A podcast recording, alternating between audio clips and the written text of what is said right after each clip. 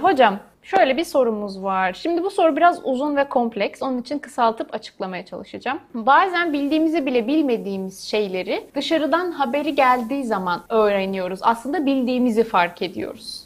Oh yeah. Yani aslında bilgiye önceden sahip olduğumuz ve sonradan anladığımız bir güç mümkün müdür? Yoksa biz bir şey duyana kadar bilmiyor muyuz? İyice kafa karıştı değil mi hocam? Yani içimizdekini keşfedebilmek için dışarıdan bir etki mi gerekir? Soruyu kim sormuş? Ceyda. Haklısın o biraz önce- Ceyda.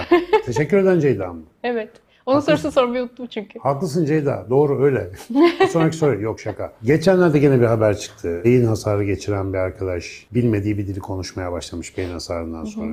Diyorlar ki bu nasıl mümkün olur? Bir insan hiç öğrenmediği bir dili nasıl konuşabilir? Bir insan hiç öğrenmediği bir dili konuşamaz. Ama bir insan öğrendiğini bilmediği bir dili belli bir koşullar silsilesi gerçekleştikten sonra konuşabilir. Nasıl? Küçük yaşında bilinç dışı bir şekilde maruz kaldıysa uzun süre bir dile, mesela öyle bir bakıcısı varsa, öyle sürekli evde televizyon çalıyorsa, radyo çalıyorsa, o konuyla ilgili bir şeyler konuşuluyorsa o dilde, insan beyni dil kodu çözme konusunda çok uzman olduğu için onu alır ama aldığını bilmez. Çünkü günlük hayatında o dili kullanma ihtiyacı yoktur. Fakat işte filtreleri değiştiren, çalışma sistemini bozan bir arıza olduğunda o bilgi gün yüzüne çıkabilir. Şimdi bu marjinal örneği şu yüzden verdim. Biz günlük hayatımızda tonla veri topluyoruz. Mesela böyle Ozan oturuyor bak burada siz görmüyorsunuz. Çünkü kamera arkasındaki kahramanlardan bir tanesi. Ozan kaç 10 senedir ne 8 senedir değil mi bizimle beraber? 8 senedir geziyoruz. 8 senedir sürekli beni dinliyor mesela ağırlıklı olarak. Hocam en çok Yazık Ozan çocuk. sizi dinliyor bence. Evet ya en çok beni dünyada en çok dinlemiş insan Ozan. Tabii o arada Ozan bir şey. Mesela çekim yapıyor, bir şey yapıyor, video hazırlıyor. Yani bu tip işler üretimle uğraşıyor aynı zamanda. Fakat mesela 2-3 senede bir değil mi? Ozan bir aydınlanmayla geliyor. Diyor ki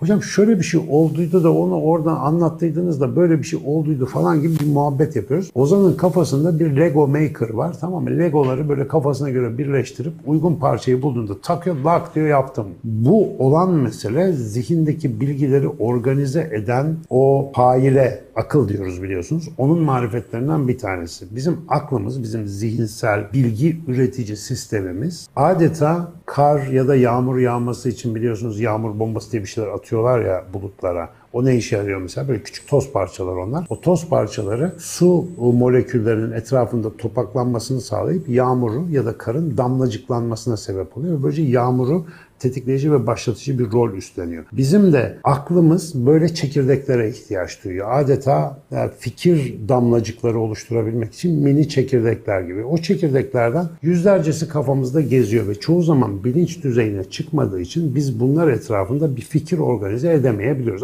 Aklımıza gelmiyor çünkü günlük dille söylersek. Ama işte bir gün soru yorumu izliyorsun. Bir gün yani yolda gidiyorsun. Normal minibüste birisi işte otobüste radyo açmış bir şey dinli- dinliyor insanlar. Sen de onlarla beraber duyuyorsun. Kafanda alakasız olarak uçuşan o şeyleri birbirine bağlayacak bir çekirdeğe rastlıyor bilincin. Ve o sırada da şanslı bir şekilde o uçuşan şeylerden bazıları yani zihninde olan bilgilerden bazıları bilinç düzeyine yakın duruyorlar. Bu arada arkadaşlar bunları görmüş gibi anlatıyorum. Tamamen benzetme yapıyorum. Yani abartıyorum biraz. Metaforlarla Tabii, anlatıyorsunuz metaforla aslında. Anlatıyorum. Bu bir zihinde uçuşan şeyler uygun bir bağlayıcı çekirdek bulduğu zaman onun etrafına tabiri caizse toplanıyor ve şak diye anlamlı bir bütün oluşturuyor. Ve bir anda aha diyorsun demek ki bu böyleydi. Bir aydınlanma. Ya tanıdık geldi mi?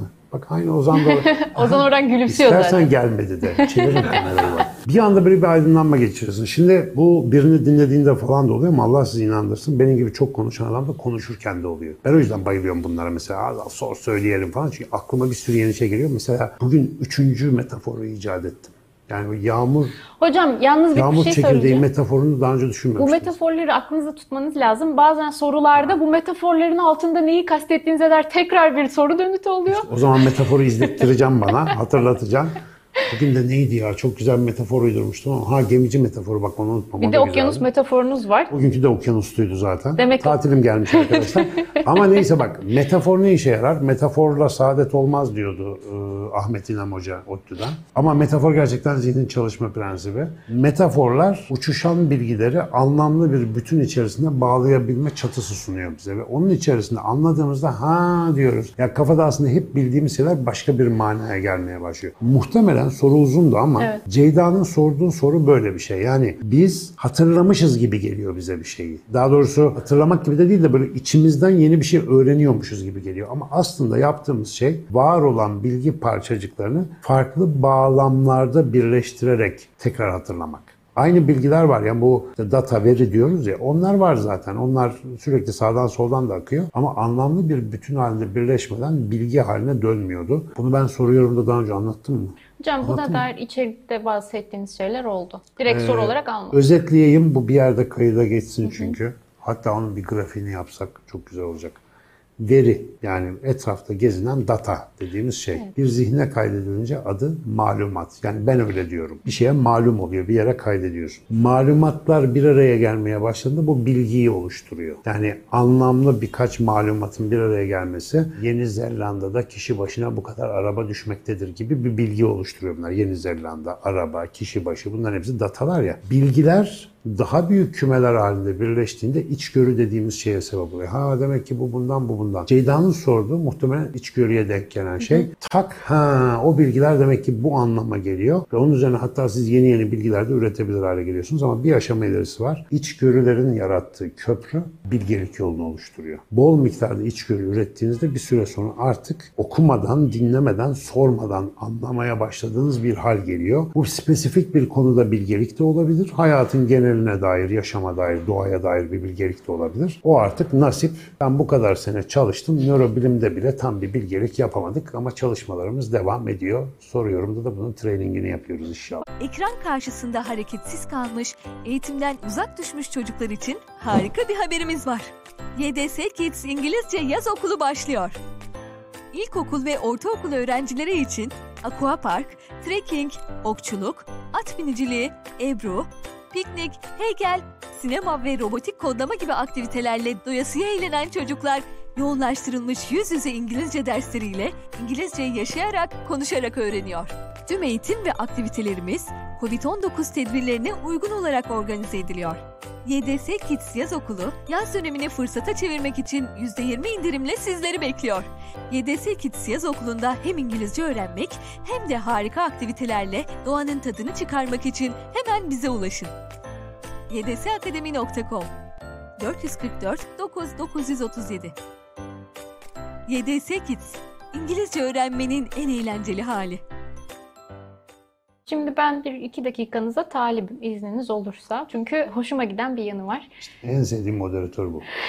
İçimizdekini keşfetmek için dışarıdan bir etki mi gerekir diye bu soruyu tamamlamıştı Ceyda. Ben hafta sonu iki gün boyunca 8'er saatten telekonferansındaydım. Tele. Evet. e, Tele bu arada uzak anlamına gelen Evet tele. hocam. Hani bu telefon, telepati, televizyondaki tele. Fakat telenin tanımı psikodramada çok daha farklı bir yere tekabül ediyor. En basit tabiriyle hani hocam dersiniz ya birine ilk kez gördüğünüz bir, bir şey hissettim onda. Hani böyle sanki yıllardır tanıyormuşum gibi. Bir kıl olacağım gibi ama. Ya da aynen çok yani rahatsız ama ilk kez tanışıyorsunuz yani bir bilginiz yok bir şey yok veya tam seni arayacaktım sen beni aradın veya işte beni seçeceğini biliyordum o kişiye karşı bir çekimim vardı bir şey vardı. Bu anlamlandıramadığımız şeylerin aslında bir iletişim türü olduğuna dair TERE'den bahsediyor. Bu arada Deniz hocamız Deniz Altınay Psikodrama Enstitüsü'nün de başkanı dünyadaki belki de en büyük yapılan telekonferansıydı. Hatta bunun üzerine durulmuştu. telekonferans deyince Evet, telekonferans gibi de psikodrama konferansı. Ha. Temamız teleydi. Geçen senelerde travmaydı, bir önceki senede işte beden, kadın ve erkek ilişkileriydi. Tele esverip konferansı falan Evet, demek. Tele deyince ilginç geliyor çünkü aşina olduğumuz bir terim değil. Şimdi ben burada neden bahsetmek istedim? Hazır beynimde bunlar yankılanıyorken ilgimi çok çeken bir nokta oldu.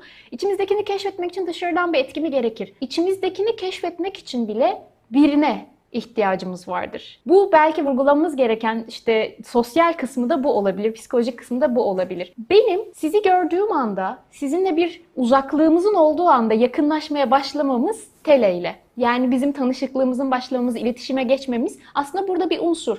Ve ben o içimdeki uyanan hissi kablel vuku diyebiliriz, sezi diyebiliriz. Ama tele biraz daha farklı bunlardan. Bu duyguyu keşfettikçe işte o kendimi keşfediyorum. Ama benim bu duygunun uyanabilmesi için benim her halükarda birine ihtiyacım var. Yani içimizdeki bilgi, varoluşumuz illaki bir dışarıya bağlı. Çok iyi Belki bunu da vurgulamamız gerekebilir diye Bak düşündüm. ben soru yorumu niye yapıyorum? Hazal yüzünden işte. Oturunca konuşuyorsun. Bu soru yorumu iyi fikir. Teleyi Yani- sevdim bu arada. Hocam e, uzun uzun bir ara size hem anlatmak isterim ayrıntıları da ve gerçekten canı gönülden enstitüme oradaki ben psikodramatist adayıyım aynı zamanda hani yıllarımız devam ediyor hep devam edeceğiz. Oradaki dünyaya karşı yani Telin'in de anlatmaya çalışıldığı şey özümüze karşı o özümüzü bulma. Kaybettiğimiz bir iletişim dilimiz var bizim. Özellikle bu benim örüntü algısı diye anlatmaya çalıştığım şeye çok benziyor. Onun bir ileri versiyonu olabilir. Bir sonra gönderin Evet. tele nedir anlat falan diye yapalım özellikle. Hocam belki şöyle eklemek lazım. Ee, psikolojide biliyorsunuz en büyük kullanılan terapi ilişkilerindeki kavramlardan biri transferans. Şimdi bu kavramların içinde kısaca değineceğim. Belki izleyicilerimizin de zihninde çeşitli sorular doğabilir bu sayede bu yüzden. Biz üç çeşit iletişimdeyiz hızlı bir şekilde.